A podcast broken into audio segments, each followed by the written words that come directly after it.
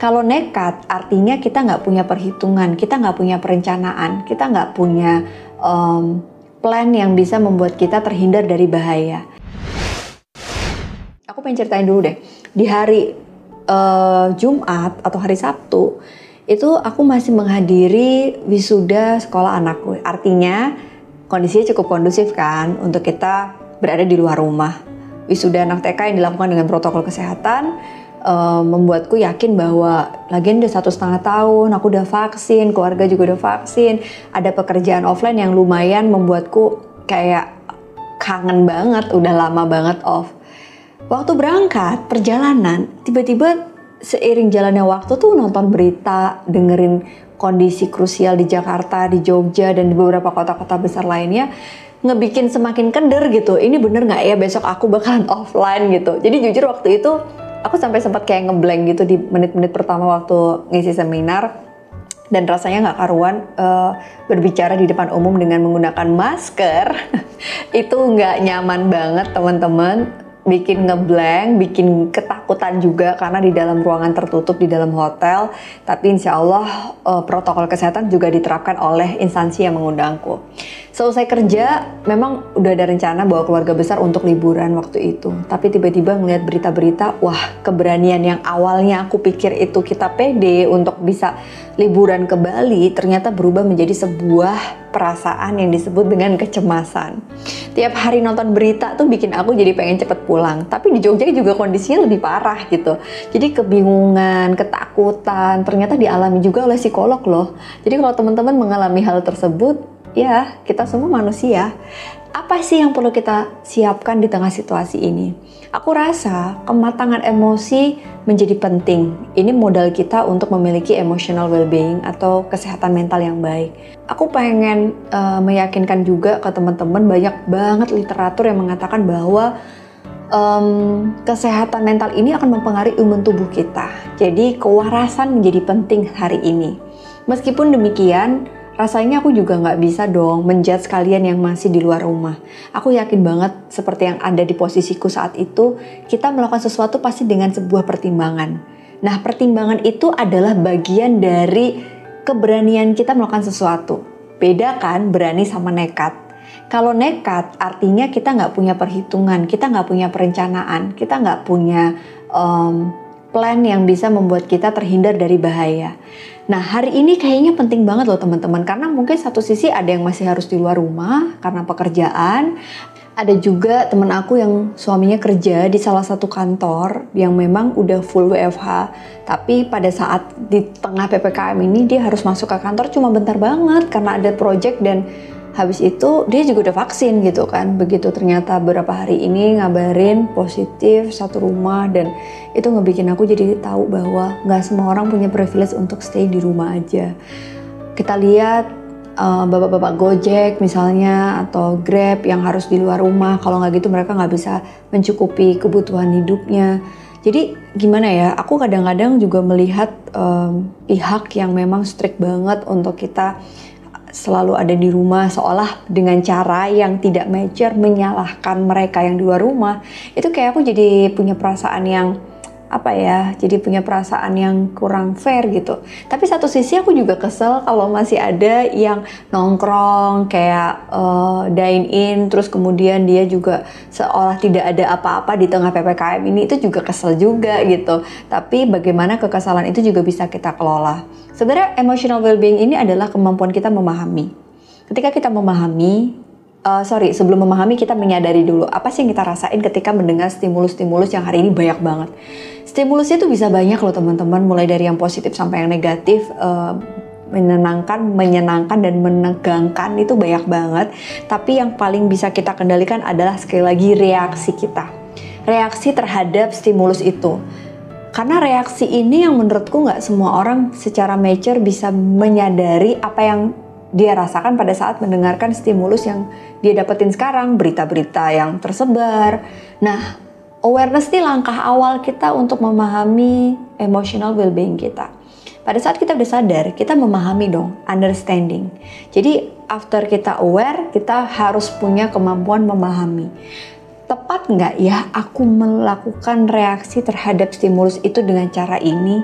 Tepat nggak ya? Nah, kebanyakan kalau kita ego, understanding moment ini dikatakan sebagai proses di mana kita meyakini kebenaran hanya yang kita yakini gitu, tanpa mempertanyakan lagi kebenaran itu.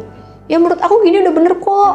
Emang kenapa kalau aku sekarang nongkrong itu kan berarti memahami tanpa mencoba untuk uh, menelaah lagi atau misalnya kayak aku mau um, men, me, apa ya mencari berita-berita tentang ini kok membuatku tenang tapi ternyata dia ketakutan. Jadi memahami ini tergantung dari mana kita bisa berpikir menelaah dengan lebih baik.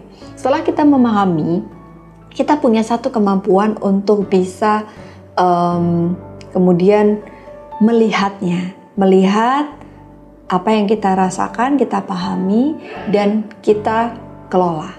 Jadi kemampuan untuk mengelola ini penting banget teman-teman. Karena kalau enggak, kita akan melakukan reaksi yang berlebihan. Entah itu dalam kondisi sekarang ini munculnya banyak agresivitas, agresivitas yang baik disengaja maupun tidak. Nah, maka dari itu ketika kita mengelolanya penuh dengan keberanian Aku yakin banget kalau kita lihat dari salah satu penelitian dilakukan oleh Pierce di tahun 2020, di sini dikatakan bahwa semua orang tuh punya insting untuk terhindar dari ancaman, sehingga dia berani menghadapi tantangan tersebut. Dia berani uh, melihat sesuatu dan dia yakin bahwa dia bisa melewatinya. Semua orang punya itu. Tapi keberanian ini ternyata juga uh, perlu diimbangi dengan self awareness tadi gitu. Nah, self awareness ini akan membedakan orang berani dengan nekat. Itu beda kan? Kalau kita tidak memiliki self awareness dalam keberanian kita, akhirnya kita apa? Pengambilan keputusan kita salah. Kita melakukan reaksi yang berlebihan terhadap sebuah aksi yang kita katakan sebagai sebuah kesalahan. Jadi sekarang masih banyak loh yang nggak percaya tentang COVID, padahal di depan mata tiap hari berita-berita tersebar bahwa duka di mana-mana karena virus ini. Tapi masih ada juga yang seperti seolah tidak ada apa-apa. Mungkin dia terlihat tidak apa-apa, tapi di belakangnya sebenarnya dia juga sedang mengolah perasaannya. Ada juga yang ketakutan sampai tiap hari memberikan berita-berita tentang ketakutan dia yang membuat orang lain juga takut. Yang benar yang mana sih? Gak ada yang benar. Kita tidak bisa memaksakan stimulus itu. Hanya reaksi kita kematangan emosi kita menjadi penting saat kita menerima stimulus itu. Nah, bedanya keberanian dan nekat. Pada saat orang bisa melakukan keberanian, keberanian ini ada pertimbangan yang perlu dilakukan. Pada saat nih ya, sekarang teman-teman coba pikirkan pada saat diri kita di tengah PPKM atau lockdown ini ya, ada hal yang memang prioritas harus kita lakukan. Jadi artinya pada saat itu kita harus segera saat itu juga Nah, dengan adanya emang ini prioritas, konsekuensinya apa? Teman-teman harus mempertimbangkan semakin tinggi prioritas kita untuk itu, semakin tinggi resikonya. Bisa nggak kita meminimalisir resiko terhadap kondisi ketika kita harus terpapar virus COVID ini? Jadi artinya ya memang kalau harus keluar ya protokol kesehatan dilakukan. Kemudian kita sudah siap menerima resiko. Ini kayak cerita aku tadi waktu aku nyampe Bali aku udah bilang, oke okay, kita udah memutuskan untuk pergi, untuk keluar di tengah pandemi ini walaupun belum separah sekarang. Jadi ya kita harus siap dengan apa pun resikonya dengan ikhtiar terbaik kita jaga imun, dengan ikhtiar terbaik kita untuk menjaga protokol kesehatan. Yang kedua adalah ada hal-hal yang memang harus kita lakukan tapi nggak urgent. Artinya masih bisa ditunda. Ya coba deh ditunda dulu setelah PPKM ini bisa nggak ya kira-kira kita lakukan? Contoh misalnya nih ada beberapa pekerjaan offline aku yang memang bisa ditunda setelah kondisinya mereda. Ya nggak mungkin lah kalau kayak gini aku tetap nekat pergi. Terus yang ketiga ada yang memang bisa kita hindari. Misalnya bepergian, piknik, atau kita apa nongkrong, padahal udah jelas-jelas pemerintah melakukan PPKM dari tanggal 3 sampai 20 Juli ini. Lalu ada hal-hal yang memang masih bisa kita pertimbangkan. Jadi ini sebenarnya apa ya? Kita tuh masih uh, punya pilihan untuk menghapuskan ini gitu ya. Kalau yang tadi kita hindari tapi sebenarnya harus tapi sulit juga. Kalau yang ini tuh sebenarnya kita nggak perlu lakukan. Contohnya nih, misalnya teman-teman dengan sadar, dengan sengaja kalian uh, pergi untuk piknik gitu kan atau teman-teman emang sengaja untuk um, keluar rumah tanpa prokes. Nah, itu yang sekarang menjadi pertimbangan kita semuanya. Kita merasa yakin, tapi tanpa pertimbangan itu artinya nekat. Tapi kalau kita berani menghadapi ini dengan penuh kesadaran, memahaminya dengan baik, lalu mengolahnya dengan bijak, itu yang kita butuhkan hari ini demi kewarasan mental kita. So, di akhir sesi ini aku pengen kasih tips yang bisa kalian lakukan sehingga teman-teman bisa mulai berpikir apa yang harus kita lakukan sih di tengah situasi ini. Yang pertama adalah sangat penting untuk menjaga kewarasan kita. Sadari perasaan takut apa yang muncul. Kalau memang perasaan takut muncul itu kalau kita terpapar informasi berlebihan, too much information is killing you itu nyata. Jadi memang boleh kita batasi informasi yang membuat kita tegang. Yang kedua, kita pahami nih COVID ini sekarang sejauh apa, bagaimana penularannya, terus kemudian bagaimana cara kita menyikapinya. Yang ketiga adalah ternyata empati untuk mereka yang sekarang terpapar virus ini itu mulai dari sebutan deh. Kalau kita bilang itu dia korban COVID gitu, victims, itu seolah kita menyalahkan uh, situasi yang nggak bisa kita kendalikan. Kita bisa gunakan mereka yang hari ini uh, people who have COVID-19 terpapar COVID-19 bahwa everyone itu bisa ada di posisi itu. Berikan perhatian, jangan jauhi mereka stigma ini pernah kita bahas dulu waktu awal pandemi, mungkin masih ada di YouTube channel ini. Terus uh, selain kita menghindari informasi, nonton dan lain sebagainya, protect yourself and be supportive to others. Kalau kita memang ngerasa pengen menjaga diri kita, itu bukan hanya untuk diri kita tapi untuk orang lain.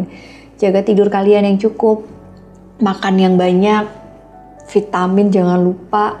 Kalau memang nggak penting nggak usah bepergian dan kalaupun kita pergi, lakukan protokol kesehatan se maksimal mungkin untuk menjaga diri kita dan orang di sekitar kita. Oke teman-teman, mungkin di sesi waktu aku pernah ada relaksasi dan lain sebagainya di salah satu episode bisa kamu lakukan. Kalau enggak kalian bisa search musik, lakukan meditasi ringan atau kalian bisa cium aromaterapi sambil kalian atur nafas itu juga cukup lumayan bisa mengurangi kecemasan di dalam keseharian kita menghadapi situasi saat ini. Terima kasih semuanya. Semoga menganalisa kali ini bisa menjadi satu hal yang uh, positif buat kalian. Stay positive, stay healthy, and stay safe. Assalamualaikum.